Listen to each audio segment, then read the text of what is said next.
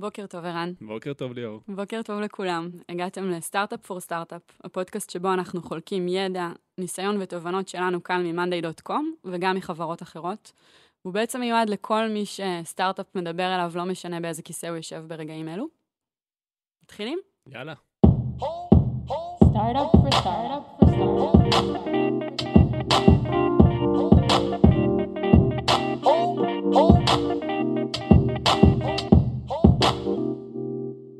אז את הפרק של היום אנחנו נקדיש לשאלה אה, איך אפשר להוריד את זמני התגובה של צוות ה-Customer Success. כדי לענות על השאלה הזאת, איתנו כאן ערן, שיספר לנו על מה היה ככה בתחילת הדרך. והאורח שלנו היום הוא שחר, אה, נציג מצוות ה-Customer Success שלנו כאן ב-monday.com, צוות שמונה היום אה, 23 אנשים בשני לוקיישנים, כאן בתל אביב ובניו יורק. שחר, איזה כיף שאתה איתנו, תגיד שלום. הכבוד הוא כולו שלי, שלום לכולם. מה קורה, שחר? מעולה, מה איזה שלומכם? כיף שאתה פה. תודה רבה. שחר, אתה בחברה ככה כמעט שנה, כמעט שנה, נכון? נכון. כשאתה הגעת לצוות, אה, זמני התגובה שלכם ללקוחות כבר היו סביב השבע דקות, נכון? נכון, מדויק. אבל אני יכולה לספר לך שבמאי 2016 עמדנו על אה, 1,038 דקות בדיוק. ערן, כן. ספר לנו קצת איך, אה, איך בעצם הבנו ש-1,038 דקות זה משהו שאנחנו לא רוצים לשמור אה, עליו. אוקיי, טוב, זה... אה, האמת שיש לי סיפור, אולי אני יכול לספר את הסיפור, ואז... יאללה, ספר לנו סיפור. אני לא יודע אם שחר יודע, אבל... אף אחד לא יודע, זה סיפור שלי אישי, אבל אני ממש זוכר את. היום הזה, כן. לא, אני לא משתף פה איזה משהו אה, אישי. נהיה פה כן, מרגש. כן, בניתי יותר מדי מתח. בבוקר, וואו, זה וייבים של תשע בוקר. ועשרים התרגשנו, כן. בניתי יותר מדי מתח. סתם, אני יכול לספר אה, אולי טיפה יותר אחורה, לפני שהגעת, אה, אני ממש זוכר שהיינו תחילת הדרך, היה לנו כמה מאות לקוחות, או אפילו אלף ומשהו לקוחות, חברות משלמות, והיה לנו צוות של תמיכה, שקראנו לו Customer Support, והיה לנו שם אחלה אנשים, אה, סופר חכמים, אני חושב שהצוות היה שלושה ארבעה אנשים, כבר היה לנו שני אנשים בארצות הברית שעשו את זה. הקונספט היה זהה, זאת אומרת, הם, הם ענו ללקוחות ששאלו שאלות, אבל גם תמכו בכאלה שרצו עזרה ורצו להבין איך להשתמש במוצר ואיך להפיק ממנו הכי הרבה. ואני זוכר שהם, אה, היה להם המון המון מוטיבציה, והם מאוד, אה, היה חשוב להם, החוויה של לקוחות, לנו בכלל בתור חברה. אבל אני ממש זוכר אירוע מכונן אה, בזמן. אה, אני חושב שזה היה ב-2016, אמצע 2016, וזה היה אחרי סוף שבוע. יום ראשון או שני, ו... שני? אמ, וקיבלתי טלפון מחבר, והוא אמר לי, תקשיב, אה, משהו לא עובד לי במערכת שלכם, וכתבתי הודעה לתמיכה לפני ארבעה ימים, ואף אחד לא חזר אליי. אמרתי לו, אוקיי, לא נשמע לי הגיוני, זה לא ה vibe של החברה. ואז עוד לקוח שלח מייל, שהייתה לו איזושהי בעיה אתמול, ולא חזרו אליו, והוא לא מצליח להיכנס למערכת. אז אמרתי, טוב, בוא נלך לדבר עם הצוות של Customer Success, כי משהו פה לא בסדר. ונכנסתי לחדר במשרד הישן, אה, ולא היה שם אף אחד בחדר. זה היה בדיוק צהריים, 12, 1, אה, הלכו לאכול צהריים. והיה טלפון על השולחן, יש לנו כזה טלפון של ה... היה להם אה, אייפון עם SIM card, שהוא אה, המספר שלנו באתר. אז, אה, והטלפון צלצל. כזה, אף אחד לא ענה. הוא היה ישב שם על השולחן. ואני כזה תפסתי את עצמי, what the fuck. כאילו, משהו פה לא בסדר. וממש התעצבנתי, אני זוכר. אמ, וניסיתי להבין, רגע, החבר'ה של Customer Success הם, הם חבר'ה טובים, הם רוצים כאילו לעשות עבודה טובה, אני יודע שאכפת להם ממש, משהו פה לא בסדר, וישר הבנתי שמשהו לא בסדר אצל, אצלי. כאילו, אני זוכר שאני ורועי ישבנו ואמרנו, אוקיי, אנחנו בתור מנהלים, מפספסים משהו. פישלנו פה. כי אני, אני יכול להיות מתוסכל על החבר'ה, אבל הם, הם באמת רוצים לעשות את הכי טוב, הם יצאו לאכול צהריים שזה סבבה, אבל משהו פה לא, משהו פה לא בסדר, בתיאום ציפיות. מה מדדנו אז? כלום. אה, הבאנו. אה, כן, זה לא היה כל כך ברור, כי הבאנו אנשים טובים, הם עבדו עם תוכנה, הם ענו ללקוחות. הלקוחות שהם כן דיברו איתם, אמרו, וואו, החבר'ה ממש אה, מנסים לעזור והם חיוביים ואחלה, אבל בזה זה הסתכם. כלומר, זה היה הרגע שהבנת איכות התגובה היא פן קריטי, אבל אי אפשר להתעלם ממהירות התגובה גם. יש את הרגע הזה של התסכול, שאני אני ממש זוכר את הסיטואציה הזאת, שאני יושב עם רועי, ואנחנו מנסים להבין למה אנחנו מתוסכלים. זה, זה תהליך שאני עושה עם עצמי הרבה פעמים, שאני מנסה להבין למה אני מתוסכל.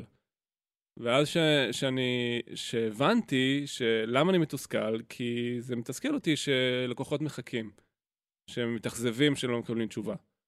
אוקיי, אבל אני לא משדר את זה לצוות. הצוות לא מבין שזה משהו שמתסכל אותי, או את החברה, לצורך העניין. אמ, ואז הבנו שאנחנו לא שמנו לצוות יעד, לא הסברנו להם לאן הם צריכים לשאוף, לאן הם צריכים להגיע, מה הם צריכים לעמוד בו. אמ, וזה היה כזה תהליך. זה לא היה ישר, אוקיי, אז בואו נמדוד כמה זמן הם עונים.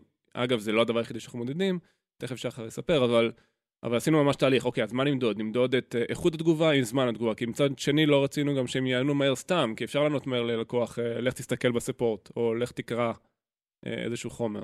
אנחנו רוצים עדיין שזה יהיה טוב. נכון. איך אתם עושים את זה היום? אמ, שני אופנים מרכזיים. אם נסתכל קודם כל על הפן הלוגיסטי, זה בעצם להחזיק שני צוותים, אחד כאן בתל אביב ושני בניו יורק, בעצם שמאפשרים לנו לכסות 24/7, 365 ימים בשנה, שזה בעצם האתגר הלוגיסטי נקרא לו. אמ, מעבר לזה, כשאני מסתכל על האתגר הטכני, אז זה בעצם לצייד את כל הנציגים בעצם בארגז כלים מאוד מאוד משמעותי, מעבר לידע האישי שלהם לגבי המוצר, זה גם להחזיק מאגר ידע שאותו אנחנו מטפחים, אותו בעצם support pages שהלקוח יכול לבוא ולראות בעצמו, וגם אנחנו לפעמים מצטטים משם חלק מהתשובות שאנחנו נותנים ללקוחות, וגם אה, בחלק קטן מהמקרים גם תשובות שהן מוכנות אה, מראש. אה, כאשר בסופו של דבר השאיפה שלנו עדיין לתת מענה אנושי ככל שאפשר, כלומר אנחנו מבחינתנו מעדיפים שלא להשתמש באותן תשובות מוכנות בראש, אלא בעצם לעשות איזושהי ממש זרימה עם, ה, עם הלקוח, לתת את הפן האישי שלנו, אבל אה, בחלק מהמקרים, במיוחד כאשר השאלות הן די אה, יכולות להיות רוטיניות, אז כן, מוצאים את אותן אה, תשובות שמאפשרות לנו לקצר בסופו של דבר גם את זמן התגובה. אז אני חושב שזה בעצם השילוב העיקרי, לדעת גם לתת, אה, כמו, שערן אומר, היום לא יכול להיות מצב שהוא ייכנס לאזור שלנו ולא יראה מישהו עם אה, מחשב. זה גם יכול אפילו להיות בארוחת צהריים, שאנשים אוכלים עם הלפטופים אה, לידם, וזה בסדר. כלומר, אנחנו... אנחנו לחלוטין חיים עם זה אה, בשלום. אני זוכרת פעם אחת, אה, כשרק הצטרפתי לחברה, שבאמת ישבנו לצהריים, ורון מה-CS ישב עם הלפטופ, ואמרתי לו, כמה אתה מכור לעבודה שלך? אז הוא אמר לי, לא, זה מה שאני אמור לעשות כרגע. אני, אני חושב שאתמול הייתה דוגמה אה, די מצוינת לזה, שזו הייתה איזושהי ישיבת אה, חברה מאוד מאוד אה, גדולה, וכל מחלקה באה והציגה את הדברים שהיא עשתה בתקופה האחרונה, ואת שומעת את, ה, את, ה, את הכלים, על ה, את הקשות על המקלדת מאחורה, וכולם תמיד מסתכלים, למה אנשים עדיין מקלידים בזמן שכל החברה פה? אז כן, אנחנו עדיין, עדיין עובדים. אז באמת לא יכול לקרות היום המצב הזה שערן מגיע לחדר, או שמישהו מתקשר ומחכה אה, אה, על הקו. אה, אנחנו באמת דוגלים באדיקות בקטע הזה של אה, לרדת מהעשר דקות בוודאות, והיום אנחנו רוצים להיות עם השש דקות, ואם אפשר יהיה לשפר את זה, אז אה, מה טוב. אתם בעצם 23 נציגים היום בצוות. אה, החברה גדלה, ערן, כמה אנחנו גדלים כל חודש? כמות אנשים? לא, מבחינת כמות לקוחות. אה, בערך 3,000 חברות חדשות שמצטרפות כל חודש. איך אנחנו ממשיכים לתת את המענה האיכותי והמהיר עם הצמיחה הזאת? צריך להגדיל את האנשים ביחס פרופורציונלי לצמיחה של הלקוחות? זה נכון. צריך להגדיל קודם כל את כמות האנשים, אבל עדיין צריך להביא אנשים איכותיים מספיק שידעו לתת מענה אה, לתפקיד. אבל יש חישוב כזה? על כל איקס חברות חדשות צריך איקס נציגים? יש חישוב, הצמיחה היא לא ממש אה, ליניארית, אבל היחס אומר משהו כמו 11 אחוז אה, מכמות הטיקטים, אותם אימיילים, זה בעצם ממלא מקום של נציג. זה בעצם היחס שפחות או יותר אנחנו עומדים בו היום. אם ניקח דוגמה שעד לפני שבועיים היינו ארבעה אנשים פחות בצוות, וממש בזמן האחרון הצטרפו עוד, לשמחתנו, עוד ארבעה אנשים בצוות בארצות הברית, אז היום אנחנו, השורות אה, מלאות, נקרא לזה ככה, אבל אנחנו תמיד אה, שמחים לראות את החברה צמחה וגודלת. אה, ואנחנו גם צריכים להמשיך למלא את האנשים. לא פשוט גם כן למצוא אנשים, זה באמת תפקיד גם בגלל שהוא איפשהו, נקרא לו התחלתי, אבל עדיין דורש איכויות מאוד מאוד ספציפיות מהאנשים. מה למשל? קודם כל אוריינטציה, אוריינטציה של שירות לקוחות, כלומר מוכוונת לקוח. וגם, מה זה אומר? מה זה להיות מוכוון לקוח? כן. זה לשים את הלקוח במרכז. להבין שבסופו של דבר, אה, מבחינתי לפחות, וזה גם כן משהו שאני אה, גדלתי עליו במקומות הקודמים, הלקוח הוא, הוא מעל הכל. יכול להיות לקוח סופר מעצבן, יכול להיות שהוא צודק, יכול להיות שהוא לא צודק, אבל בסופו של דבר הוא הלקוח והוא אה, צריך להיות המרכז. זה גם לדעת לפתור בעיות, במיוחד במקרים שלנו, שכמו שאמרנו, התמיכה היא לא תמיכה פשוטה של בוא תשלוף איזשהו... רגע, שחר. כן. אבל לא באמת הבנתי מה זה אומר לשים את הלקוח במרכז, כי זה, סיס... זה יכול להישמע כמו סיסמאות, נכון. והאמת שכרגע זה עדיין עובר אותי כסיסמה. אוקיי. תן לי דוגמה לרגע שבו יש דילמה, ואז אתה אומר, רגע, אבל אני שם את הלקוח במרכז. דוגמה אמיתית מה, מהחברה שלנו, לא דוגמה תיאורטית. איפה בכלל יש דילמה? אני חושב שיש דילמה בכל אותן נקודות שללקוח קשה, במיוחד כשאנחנו מציעים כמה אה, חבילות מבחינת התשלום גם כן ללקוח, ולדעת שלקוחות ששילמו על, על basic מקבלים בעצם basic, ולקוחות ששילמו על Pro מקבלים בעצם Pro. אבל לדעת שגם הלקוח ש, ששילם ב basic והוא שני אנשים, מבחינתנו כמו לקוח של Pro 50. כלומר, אין קשר ל-revenue, uh, מבחינתנו ההסתכלות היא אותה הסתכלות.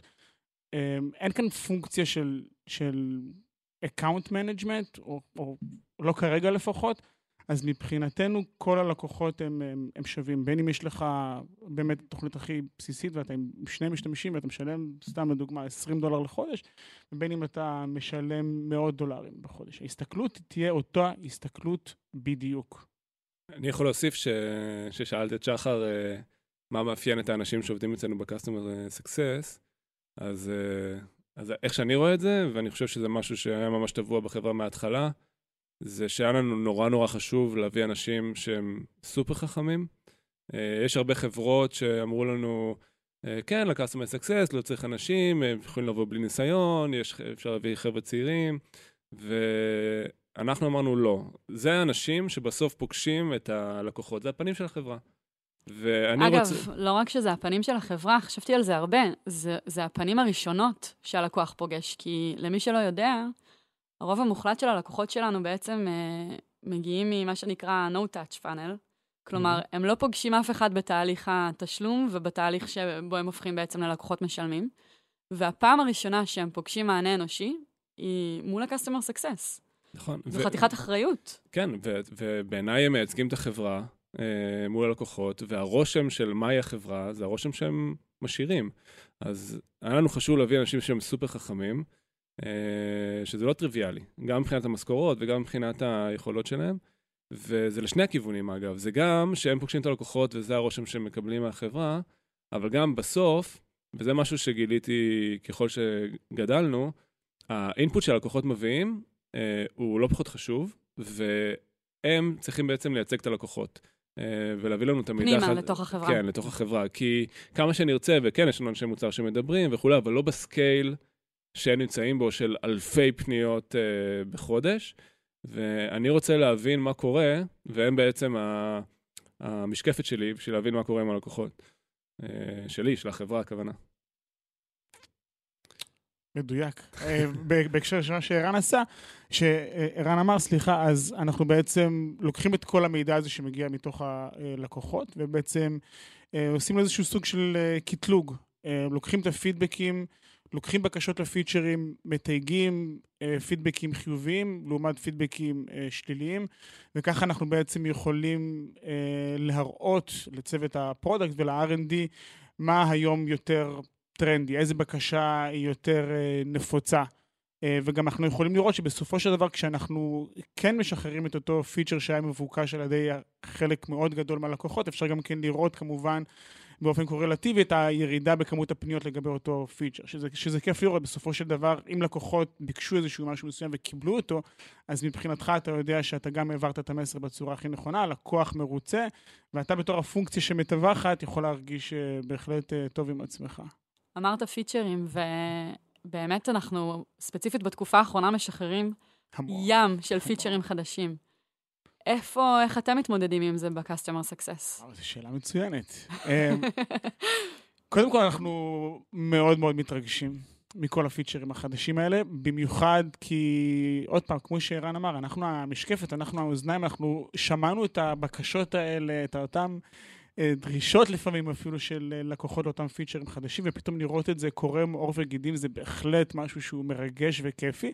ובצד שלנו זה אומר שאנחנו צריכים להתכונן מהר מאוד לסוגי פניות אה, אה, חדשים. אה, אם בעבר לא שאלו על משהו ספציפי כי הוא לא היה קיים ועכשיו הוא קיים, אז כמובן שזה מייצר שאלות נוספות, וגם כמובן שצריך להכין את כל התמיכה באתר, אם זה אותם מאמרים שיהיו קשורים לחלק מהפיצ'רים החדשים, וידאוים, הרי בסופו של דבר גם ערוץ היוטיוב הוא גם חלק גדול ממנו באחריות שלנו. אז זה לדעת בעצם להכין את התכנים הרלוונטיים ללקוחות שלי. זה נשמע שאתם נדרשים לתהליך למידה של המוצר שהוא מתמשך והוא אינטנסיבי mm-hmm. והוא ברמה הכי גבוהה. לחלוטין. אני רוצה להאמין ש, שאנשים בצוות שלנו יודעים ומכירים את המוצר. הייתי רוצה אפילו להגיד יותר מכל אחד אה, אחר, זה קצת, קצת גדול לומר את זה, אבל כן. איך אתה עושה את זה? המון ניסוי וטעייה.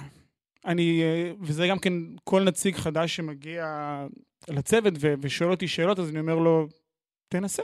פשוט תנסה ותראה, אם, אם זה עובד, אז זה עובד, אם זה לא עובד, אז תבדוק אולי למה זה לא עובד, אולי יש דרך אחרת לעשות את זה, אבל פשוט תנסה. המוצר בסופו של דבר הוא כזה שהוא הוא, הוא דורש ממך לבוא ולשחק איתו כמה שיותר. אני לא אגיד שהוא פשוט, אבל הוא גם לא אה, מורכב. אה, וניסוי וטעייה, אני חושב שזה הדרך הכי נכונה. אז כשלקוח בא ושואל אותי ואני לא יודע את התשובה, ויש לי את הכמה דקות האלה אה, להשקיע, אז אני בהחלט אבוא ואנסה בעצמי ולראות אם אני יכול לעשות, ואולי אפילו גם כן אייצר את אותו סצנריו שהוא מדבר עליו ואשלח לו את הסקרין שוט, ואז אני אדע ש, שמבחינתי זו בעצם התשובה הנכונה, ואם אין לי את הזמן אז אני אגיד לו, תן לי לבדוק, אני אחזור אליך. ואז אני, כשיש לי כן את הזמן, אני אדע לעשות את אותם ניסוי אה, וטעייה. יש כזה דבר, שאלות מתקילות? למה אני שואלת את זה? על פניו אמרת שאתם... אה, לא, אמרת שאתם ככה אה, מגבים את עצמכם במאגרי מידע מראש, ובאמת אה, מכינים כמה שיותר דברים שיוכלו לתמוך ביכולת שלכם לתת מענה מהיר של פחות משבע דקות. אבל אולי, זה מה שעבר לי בראש, אולי לפעמים כן עולה איזושהי שאלה שאין לנו תשובה מיידית עליה.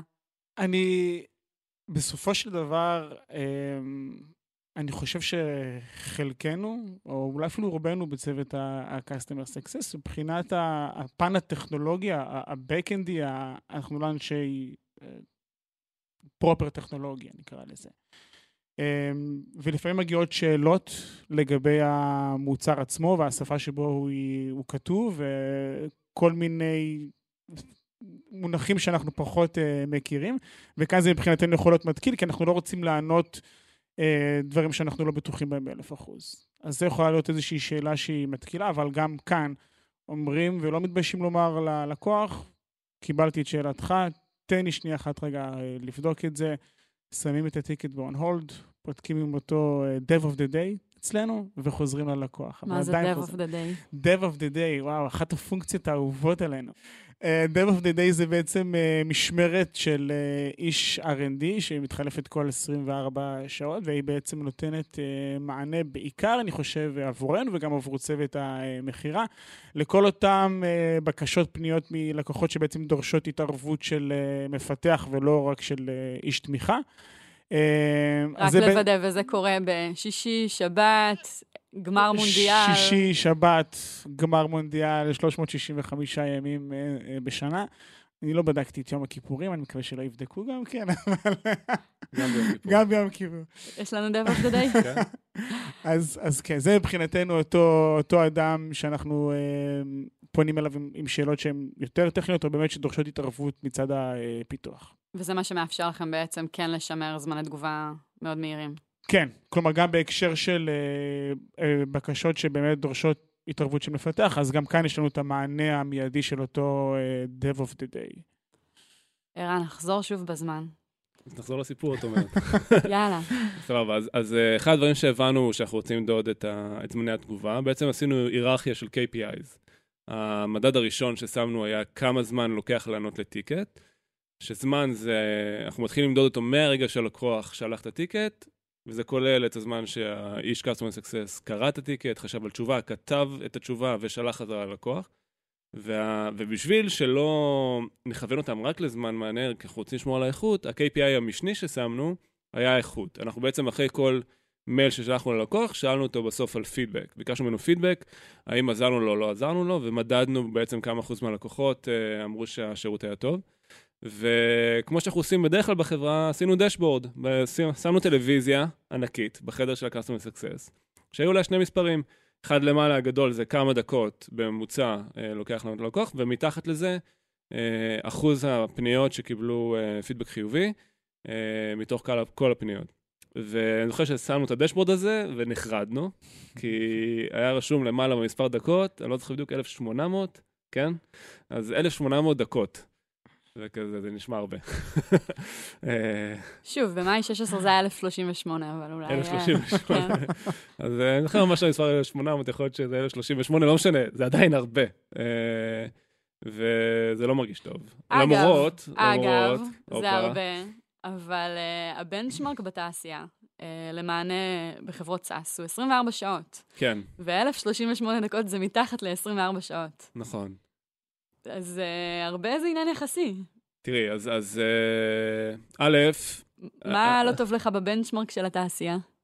Uh, בתור user, אני, אני זוכר שפתחתי ticket uh, באיזושהי חברת SaaS, uh, גדולה, בורסאית, שהיא אפילו מטפלת ב-customer success, לא נגיד איך קוראים לה, ולקח 24 שעות עד שקיבלתי תשובה. התשובה הייתה, אני מפנה אותך לנציג אחר שנתן לי תשובה אחרי 24 שעות, ואז הנציג האחר אמר לי, לך תסתכל ב...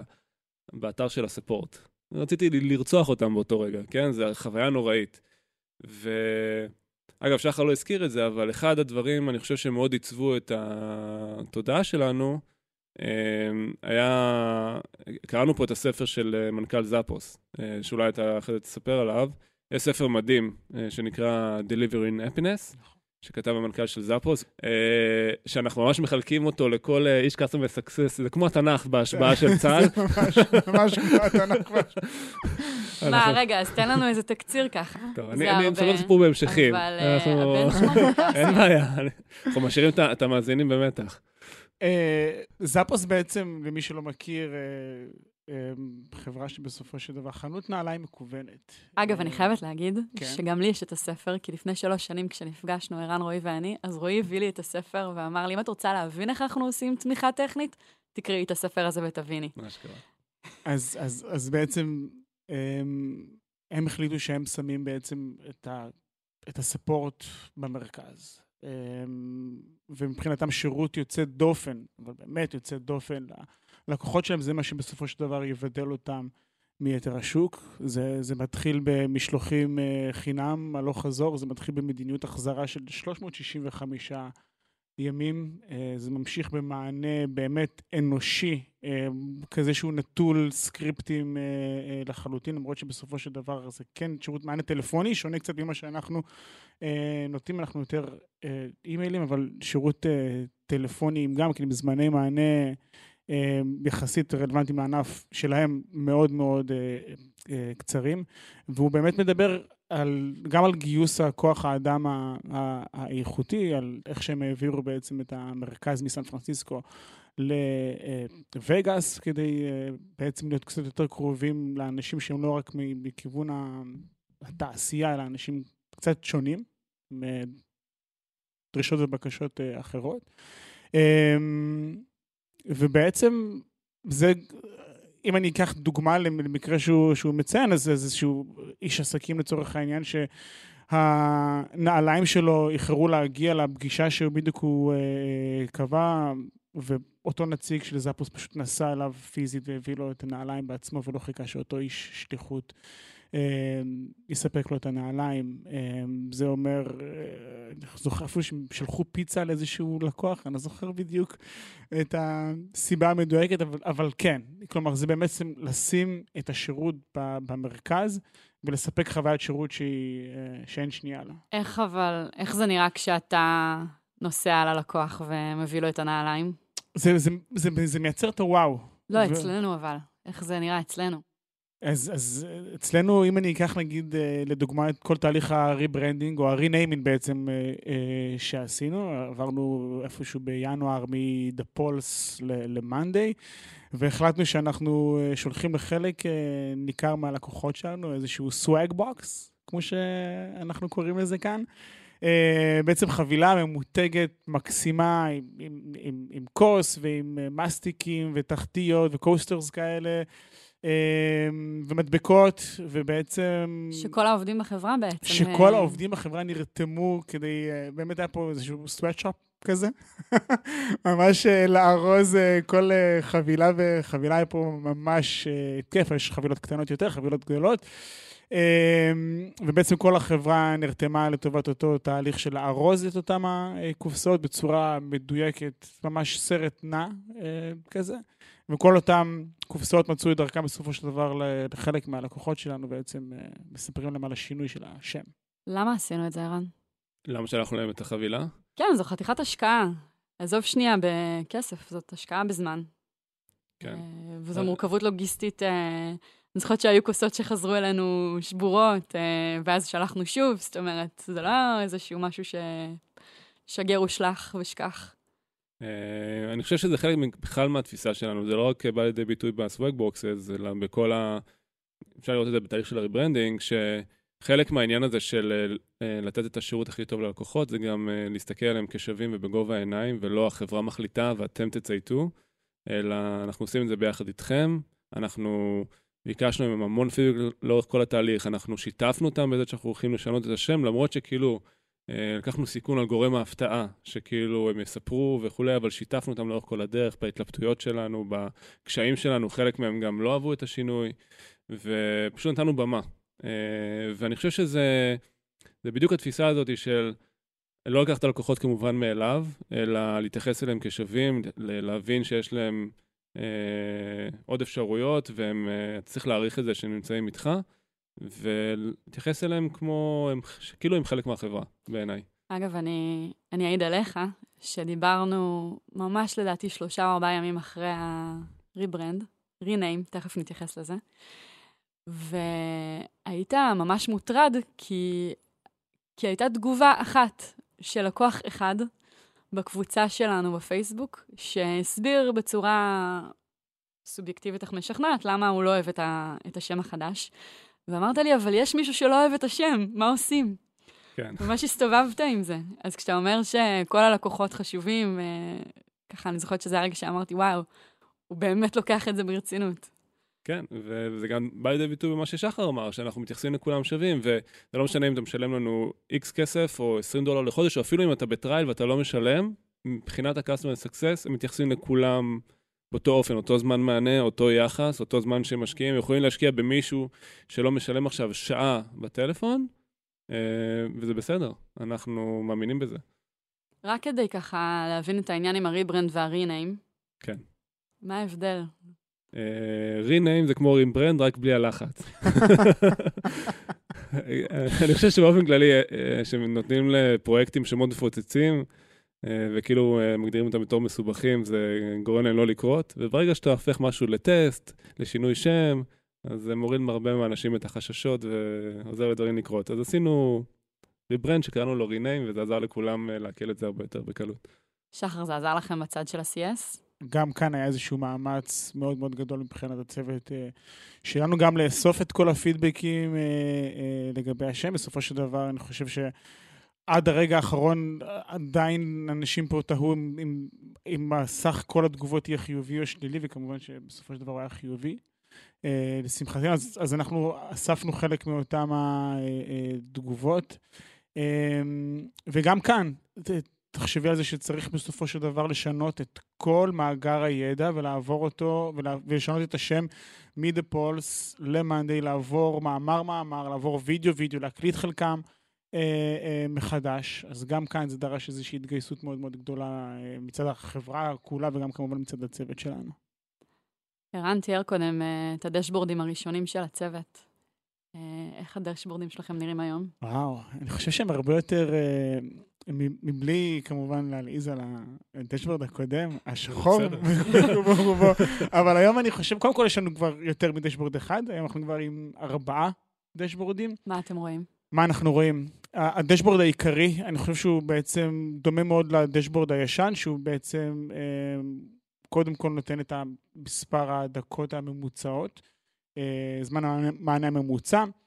אה, כל נציג בעצם גם כן מקבל איזשהו דירוג אה, שביעות רצון, איזשהו אה, CSAT score שאנחנו אה, קוראים Customer Satisfaction, אה, מ-1 עד 10, אז כמו כל נציג יכול לראות מה הציון שלו, וגם יכול כמובן, כחלק מהשקיפות שאנחנו מאמינים בה, לראות את הציונים של האחרים.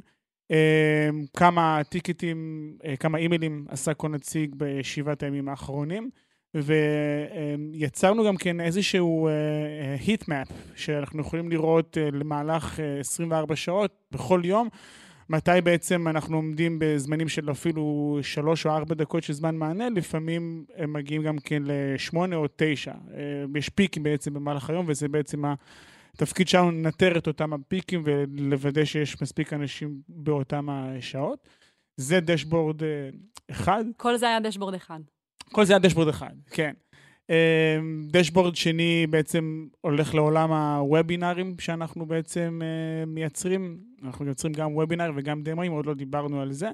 אמ, בוובינארים בעצם אנחנו מודדים את אחוז ההצלחה של אותו הוובינאר, גם כן לגבי פידבקים שאנחנו מקבלים אחריו. אה, וגם את אחוז ה-attentiveness, כמה אנשים בעצם החזיקו מעמד לאורך כל הסשן. אמ, זה גם כן איזשהו מדד של אה, הצלחה. אמ, עוד דשבורד מתייחס ל-knowledge base בעצם שיש לנו. כמה אנשים מקליקים על המאמרים, האם הם מוצאים את המאמרים אמ, חיוביים, האם הם מוצאים אותם אה, פחות, האם הם בעצם אה, יעילים. מבחינתם. והרביעי. ובעצם הדשבורד הרביעי הוא בעצם אותו uh, NPS, בעצם ה-voice of the customer, כמו שאנחנו רוצים לקרוא לו, אותם הקטלוגים שדיברנו עליהם קודם לגבי פיצ'רים, uh, כמה מהם חיובים, כמה מהם שליליים, איזה פיצ'ר או איזה בקשה היא הכי uh, uh, טרנדית או נפוצה באותו uh, טווח זמן ספציפי, uh, וזה בעצם משלים את ארבעת הדשבורדים שלנו. כן, ערן. כן. איפה היינו בסיפור? אה, בסיפור, אוקיי. כאילו, מתחנו את זה יותר מדי ממה שזה אמור להיות, כן, אבל... לא, אז בקיצור, אז שמנו את ה... שמנו את הדשבורד, נחרדנו מכמות הדקות. אני יכול להגיד לך שלכם, שזה פשוט מדהים אותי כל פעם מחדש, התהליך הזה, שברגע שאתה מסביר לאנשים לאן אנחנו מכוונים ולאן רוצים להגיע, הכל מסתדר. אז דבר ראשון, באורח מדהים, תוך חודשיים המספר הזה ירד מ-1,000 דקות ל-50 דקות. כי אנשים הבינו, אוקיי, זה מה שחשוב, בואו נעשה לו אופטימיזציה. דבר שני, פתאום השיחה עם הבחור שנהל את ה-Custom Success, עידן, הפכה להיות מעניינת. הוא אמר לי, תקשיב, בארצות הברית, בשעות האלה והאלה, אני רואה שיש לנו פער מאוד גדול, אז צריך להביא בן אדם. עד אז, כשדיברנו, צריך להביא עוד בן אדם לארצות הברית, זה היה כזה הכל באוויר. זאת אומרת, למה צריך להביא בן אדם? אנחנו בטוחים שצריכים להביא בן אדם, אולי צריך פה להביא בן אדם, הכל כאילו היה מאוד באוויר. ברגע שהבנו, שניתחנו את, ה- את ה-KPI והבנו מה צריך לעשות בשביל לשפר אותו, השיחה הפכה להיות מעניינת. זה פתאום נהיה ברור לכולם שצריך להביא עוד בן אדם במקום מיקס. ואני יכול להגיד לכם שתוך ארבעה חודשים, אני זוכר שאני ועידן דיברנו ואמרנו, אוקיי, עכשיו אנחנו על 50 דקות, איך אפשר להביא את זה לעשר דקות? ויש פתאום יעד, ועכשיו אנחנו מבינים גם איך אפשר לעשות אליו אופטימיזציה. ומאז, אני חושב, מ... מתחילת 2017, אנחנו בעצם על פחות מעשר דקות, וזה כל השנה, אתם צריכים להבין, זה כאילו חגים, שבתות, סוף השבוע, כריסמס, יום כיפור, אנחנו מגבים אחד את השני מארצות הברית. אם כל החברה עכשיו ב offsite, תמיד יש מישהו עם לפטופ, כמו ששחר הזכיר, ו- וזהו, ואנחנו מחזיקים את זה, ומבחינתי זה, זה עדות מדהימה, ברגע ששמים לאנשים יעד, אז הם מבינים אותו ו- ויודעים uh, להערך כלפיו ולעשות לו אופטימיזציה, ואני חושב שבתור uh, מנהל או בתור חברה, זה הדבר הכי חשוב. כאילו, ברגע... זה, זה שוב הלקח הזה כל פעם מחדש של שאני מרגיש תסכול, או שהחברה, משהו לא עובד שם, כנראה שאנשים לא מבינים... אה, לאן הולכים. לאן הולכים, וזה לא קשור לאיכות של האנשים. האנשים שאנחנו מביאים הם טובים. זה... אני לא יכול להיות מתוסכל על אנשים, כאילו רק על עצמי במקום הזה. אז אני חושב שזה בדיוק המקום הזה, והיום הצוות הוא, הוא מדהים אה, מהבחינה הזאת. איפה האתגרים שלכם היום, שחר? האתגרים שלנו היום, קודם כל בלשמור על הזמן מענה הזה, כמובן אם אפשר יהיה לצמצם אותו, בסופו של דבר החברה אה, גדלה, כמות של הפניות אה, גדלה, המוצר הופך ומשתפר ומוסיף עוד פיצ'רים, וזה באמת האתגר של לעמוד אה, בקצב, גם של כמות, ה, גם בגידול המשתמשים וגם ב product עצמו. אתגר נוסף, אני חושב שזה בעצם לשמור את כולם כמה שיותר engaged. Uh, בסופו של דבר, כמו, ש, כמו שאמרנו, זו חבורה של אנשים מאוד uh, מוכשרים, כל אחד uh, בתחומה, אנשים שבאים מרקע uh, שונה, ו, ויכול מאוד להיות מצב ש, שבמשך כל המשמרת שם הם ימצאו את עצמם עם אותם... טיקטים שיכולים להיות מאוד מאוד סיזיפיים בחלק מהמקרים. וצריך לשמור על עניין, וצריך לוודא שהאנשים האלה יודעים להוציא את הפוטנציאל שלהם. ולכן גם כן אנחנו הם, עוסקים גם כן בפרויקטים צדדיים. Uh, כלומר, אנחנו לא ממלאים את כל היום שלנו באותם uh, מענה uh, למיילים ולטלפונים, אלא אנחנו מוצאים עוד איזה uh, נקודות שבהן אנחנו יכולים להועיל אה, לארגון, בין אם זה אפילו ל product, או בין אם זה ל-R&D, או בין אם זה אפילו... או להתראיין לפודקאסט. ל marketing, או אפילו להתראיין לפודקאסט. אה, אז איפה שאנחנו בעצם יכולים uh, לתרום ולמלא את היום שלנו, זה מה שבעצם אנחנו רוצים ואוהבים גם כן uh, uh, לעשות. זה, זה אני חושב שהנקודה הכי חשובה, שאחד האתגרים שברגע שאתה מביא אנשים מאוד איכותיים, זה שהם רוצים לעשות מעבר. וזה בדיוק האתגר, ואני חושב שזה היופי גם, שהיום כל אנשי ה-customer support אצלנו, חלק מהזמן הם עושים טיקטים, ויש להם, כל אחד מהם פרויקטים. חלקם מובילים תחומים, חלקם uh, מובילים פרויקטים, את כל ה-knowledge base, כמו ששחר אמר, הם מנהלים, את התיוגים של הטיקטים, את ה input ל product הם מנהלים. Uh, נגעת גם בנושא של החיבור ל product, אז היום אנחנו כמעט בכל task force, יש לנו איש customer support שמשתתף, וזה מביא אותנו למצב שבמקום שה-customer support צריך לרדוף אחרי הפיתוח, הפיתוח עובדים מאוד מאוד קשה, משחררים פיצ'ר, ואז ה-customer support עושים כזה, אה, רגע, אנחנו לא יודעים מה קורה פה והתקלתם אותנו וכולי, הם תמיד ahead of the curve, הם חלק מהפיתוח, הם חלק מהרעיונות, הם מבינים את הקונספטים מאחורי זה. אנחנו ממש משלבים אותם בחלק אינטגרלי בכל החברה, ומובילים גם הרבה מאוד פרויקטים אה, בתוך החברה.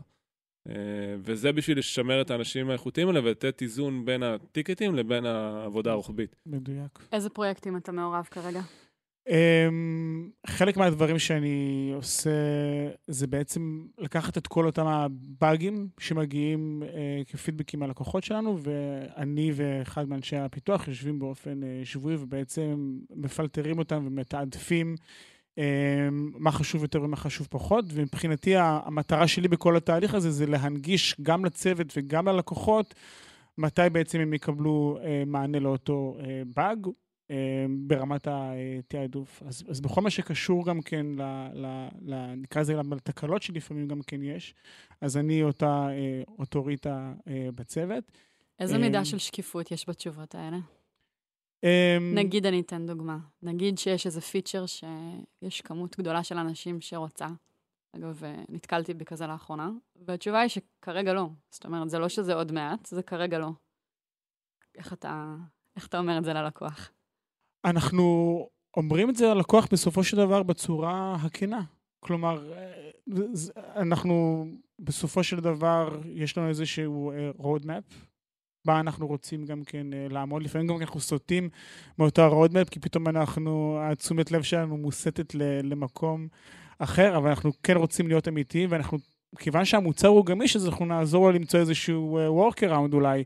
uh, לאותה, uh, לאותו פיצ'ר שהוא מבקש. וגם צריך להבין בסופו של דבר למה הלקוח מבקש את אותו הפיצ'ר. כלומר, יש לו איזושהי יש לו איזושהי חשיבה מסוימת, ויכול להיות שבעצם מה שהוא מבקש יכול להיות בעצם שונה ממה שהוא צריך, אה, אה, נקרא לזה, או, או, או להפך. והמטרה שלנו גם כן לקחת את הפיצ'ר הזה ולא פשוט להעביר אותו ל product, גם אם זה משהו שלא קיים, אלא לנסות להבין מה עומד מאחורי זה. ואז ה product בעצם מקבלים מידע שהוא הרבה יותר אה, אה, אה, נכון, ולא, ש... ולא סתם אני צריך איזשהו משהו ש... שתעשו עבורי. קרה פעם שפידבק שלכם גרם uh, להסטה הזאת ב roadmap?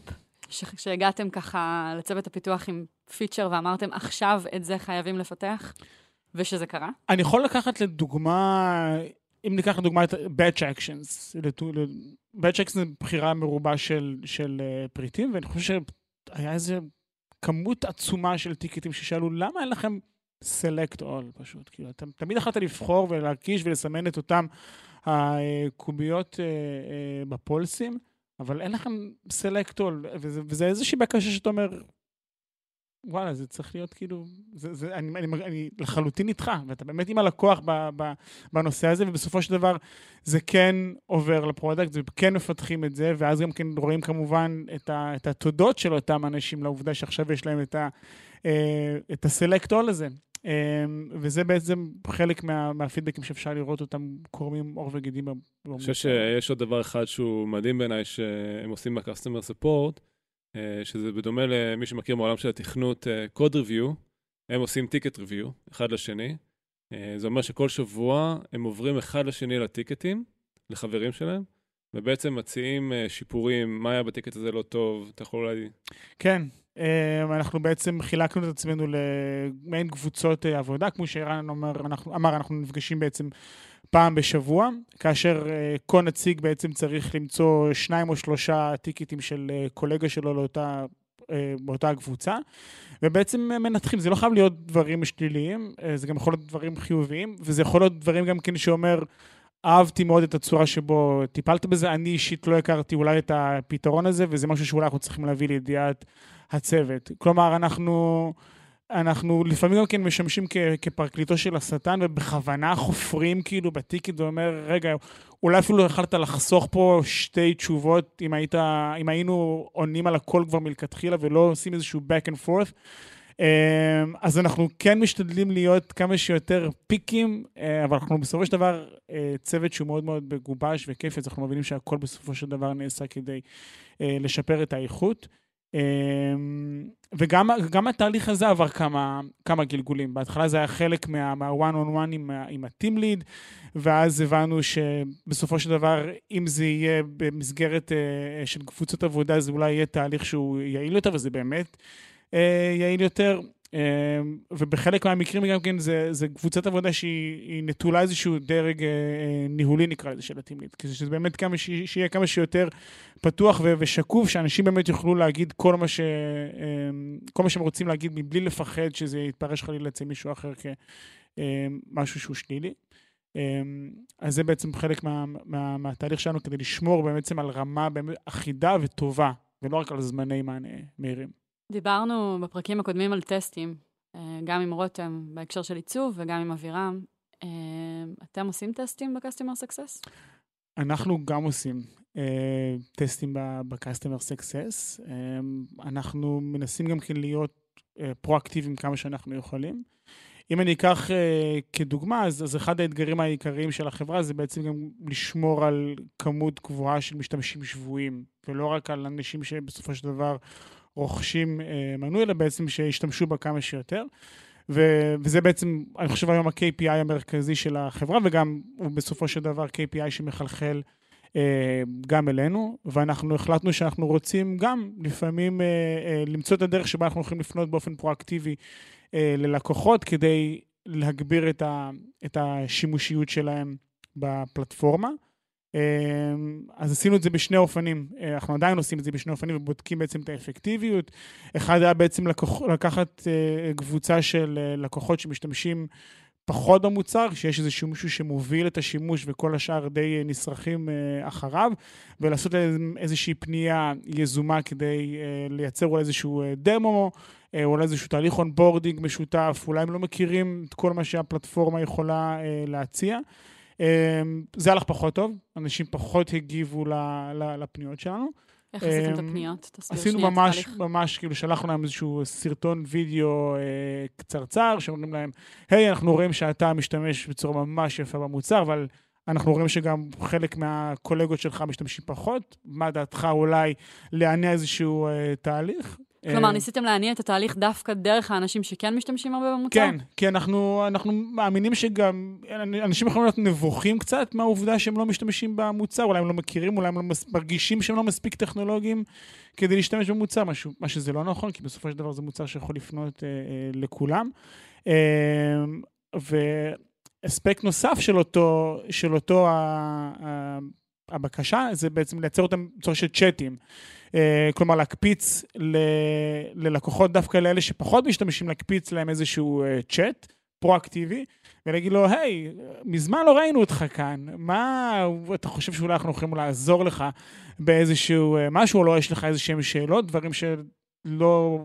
שאולי רצית לשאול אבל חששת ולא ידעת איך, אז זה איזשהו צ'אט פרואקטיבי שאנחנו מנסים אותו אה, היום. אנחנו במענה עושים... אנושי או בבוט? במענה אנושי. הכל מענה אה, גם הטסט אנושי. הזה קורה במענה אנושי? גם הטסט הזה, יש מה שנקרא Chat of the Day, כלומר, אותו נציג שאחראי על הצ'אטים, ודרך אגב, זה גם אה, כלי מעולה גם כן ל-retension, בעצם למעבר מטרייל לפיינג.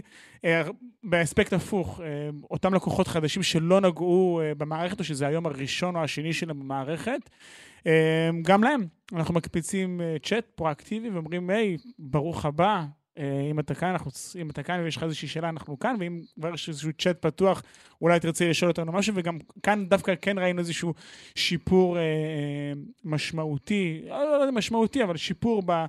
אה, ב, ב, ביכולת של אותם לקוחות בסופו של דבר אה, לשדרג את התוכנית שלהם. משהו שאני רוצה להוסיף, ואני חושב שזה מאוד חשוב, אה, דיברנו הרבה על KPIs ואיך הם משפרים את ה... אבל רגע, ערן, למה אנחנו לא משתמשים בכלל בבוטים? כאילו כל העולם הזה של uh, תמיכה טכנית היום, uh, כמות הסטארט-אפים שמסתובבים רק, רק בישראל ומדברים על צ'טבוטים, היא הזויה, כן? כן. אני מבינה את החשיבות של מענה אנושי, אבל אין מקומות שזה יכול ככה לייעל את התהליך. אז אה, זו נקודה טובה, וגם דווקא כן מתקשר למה שרציתי להגיד, שאני חושב שבוטים זה גם אחלה דרך לייצר engagement של לקוחות, אבל חשוב לה, להגיד שמה שמנחה אותנו הוא ה-value של לתת שירות טוב ללקוחות. אה, גם עם ה-KPI שהזכרנו קודם, של זמן מענה מהיר, יש אחלה דרך לפתור אותו, שפשוט להחביא את הכפתור של uh, תמיכה. פשוט שאף אחד לא יפתח טיקט, ואז יהיה ממש קל לענות מהר ללקוחות. אז uh, אני חושב שמה שחשוב, מה שתמיד מנחה אותנו בקבלת החלטות, זה דבר ראשון, אנחנו בוחנים האם זה עושה לשירות יותר טוב ללקוחות, או פחות טוב ללקוחות. לצורך העניין, בעיניי, שירות טוב יותר ללקוחות זה להחצין מאוד את הכפתור של ה-Customer Success, להחצין את מספר הטלפון באתר, שאני חושב שהרבה חברות מחביאות את זה, ואז הן חושבות שהן משפרות, אבל הן יוצרות תסכול ליוזרים שלא מוצאים את, ה, את הכפתורים האלה. אז דבר ראשון, מאוד מאוד חשוב לנו, דבר, כל החלטה שאנחנו מקבלים, לבחון האם בצורה אינטואיטיבית זה מייצר שירות יותר טוב או פחות טוב, ואז למדוד את האפקט של הדבר הזה. וגם בוטים, אני חושב שזה... שאלה של האם בן אדם שמרגיש שהוא מדבר עם אה, מחשב, אה, ואני חושב שהטכנולוגיה עדיין לא שם כדי שהוא לא ירגיש, זה נותן לנו להרגיש יותר שאכפת לנו ממנו, או פחות שאכפת לנו ממנו. אה, וזה אחד הדברים שזה בא לידי ביטוי. ועוד דבר, אני חושב שהוא מאוד חשוב לגבי צ'אט, שחשוב מאוד התיאום ציפיות עם הלקוח. זה משהו שגם למדתי. היום אנחנו נמצאים על 6 דקות מענה, ואנחנו תמיד חושבים איך אפשר להשתפר. בואו נעשה את זה 2 דקות, בואו נעשה את זה אינסטנט. ניסינו לעשות צ'אט, אה, וזה פשוט מדהים איך התיאום ציפיות הזה מול הלקוח מאוד משפיע עליו. כשבן אדם בא ופותח טיקט ומקבל תשובה תוך 3-4 דקות, הוא blown away. הנה, שלחתי אימייל, לא היה לי שום ציפייה, וקיבלתי תשובה כל כך מהר. כשמישהו כותב משהו בצ'אט, ואתה לא עונה לו תוך 5 שניות, זה מתסכל אותו. המדיום מאוד מכתיב את, ה, את הציפייה של הלקוח. אז uh, ניסינו צ'אט, הבנו שזה מתסכל את הלקוחות למרות שהזמן מענה היה אותו דבר, uh, ואולי בעתיד נעשה את זה, אבל רק שנהיה באמת מסוגלים לתת מענה מיידי. כי הדבר האחרון שאנחנו רוצים זה לתסכל את הלקוחות, אנחנו מעדיפים מאוד להיות בצד שאנחנו מעיפים להם את הראש. אגב, זו שאלה מאוד נפוצה מלקוחות, האם אתה, are you a bot? אגב. זה במיוחד שאתה עונה אה, להם... אה, מחמאה, שחר. כן, תודה. במיוחד שאתה עונה להם אה, אה, אה, די מהר, אז הם כאילו... תוכיח. אה, תוכיח, ואז... אה, זהו, רציתי להגיד, ערן, אולי תספר, היינו בסן פרנסיסקו לפני כמה חודשים, ופגשנו אה, משקיע אה, שלנו. היום הוא משקיע שלנו, בארוחת ערב. אתה רוצה לספר שנייה? כן, זה היה הזוי. אה, פגשנו עם, אה, נפגשנו עם משקיע בארוחת ערב, וכחלק מה-due diligence שהם עשו, הם בעצם התחילו להשתמש במערכת, וזה גם ממש תפס שם בחברה. ואז אמרנו, תקשיבו, היה לי איזשהו סיפור הזוי עם הספורט שלכם. אה, פתחתי איזושהי שאלה, קיבלתי תשובה נורא מהר, ושאלתי אותו, האם אתה בן אדם או לא בן אדם? ואז מאט, הוא הבחור אצלנו שנה, רשם. לו, מניו יורק, רשם לו, כן, אני בן אדם אמיתי, וגם ראיתי שיש לך פרופיל לכלב שלך באינסטגרם. אז עשיתי לו פולו. עשיתי לו פולו. פי.אס, כדי שתדע שאני לא בוט, עשיתי פולו לכלב שלך באינסטגרם. הראה. לנו את האימייל בארוחת ערב. זה זה על הגבול בין להיות קריפי ל... כן, אבל מה, ש... מה שאז הדהים אותי אה, כשהוא סיפר לנו את זה, זה שזה באמת, יש לדעתי שני אספקטים שבהם אנחנו מאוד טובים. אחד, זה המוצר, ואנחנו כל הזמן משתפרים ב... ב... באיכות המוצר, אבל הדבר השני שלקוחות מציינים לטובה, זה את איכות. השירות. כן. ושוב, זה איזשהו משהו שהוא לא טריוויאלי בעיניי, כי עד היום, לי אישית, כשאני שומעת שירות, אני חושבת ישר, רגע, אולי קרה משהו לא בסדר. אתה מבין? כאילו, כשצריך שירות זה כאילו משהו לא עובד. נכון? הרי אם הכל עובד, אנחנו לא מדברים עם אף אחד. וזה מעניין איך הופכים את זה לחוויה שהיא, לא רק שהיא חיובית, שהיא הופכת אותנו לחברה טובה יותר. שאנשים גאים לספר על השירות שהם קיבלו ממאנדיי. אבל אני חושב שזה בדיוק ההבדל בין תמיכה לבין שירות. דווקא תמיכה זה הקונוטציה השלילית. שירות, או במיוחד שזה, שזה customer success, אז אתה לא מחפש דווקא את השליליות שבזה. כן, מישהו זאת מילה מאוד חיובית. בדיוק. נכון. ואני חושב שזה גם, בסופו של דבר, זה, זה כלי מכירתי לכל דבר. אנחנו יושבים די קרוב לצוות המכירות, ואנחנו שומעים כמה הם משתמשים ב... אה, דרך אגב, יש לנו תמיכה מדהימה שתענה לך תוך uh, שש דקות. כלומר, אנחנו שומעים את כולם בסופו של דבר כחלק מהדמוים שנותנים ללקוחות. הם משתמשים בנו ככלי מכירה, וכמובן שזה עושה לנו uh, uh, טוב. כלומר, אנחנו שמחים ש, שהם, שמחצינים ושמציגים את זה, ואם אתה צריך, אז, אז כן, יש לך את, ה, את, ה, את האפשרות הזאת לפנות ל...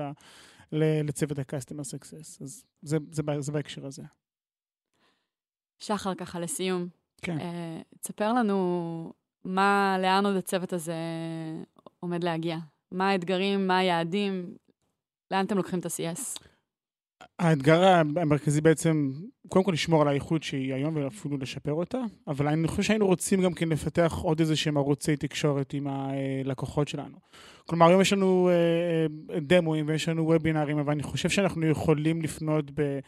בערוצים אחרים שהם בתחום של ה-one to many, אם זה לפתח את ה-coffee talks שהיום אה, עוד לא המריאו, נקרא לזה. מה זה coffee talk? coffee talk זה מעין talk show שאנחנו עושים uh, פעם בשבוע, ונציג מושך uh, סביבו כמה לקוחות, uh, ובעצם מדברים על הכל. כלומר, זה, זה בעצם מאוד מאוד uh, שיתופי, זה לא רק חד-כיווני, אלא זה בעצם uh, מעין איזושהי uh, uh, אינטראקציה קבוצתית.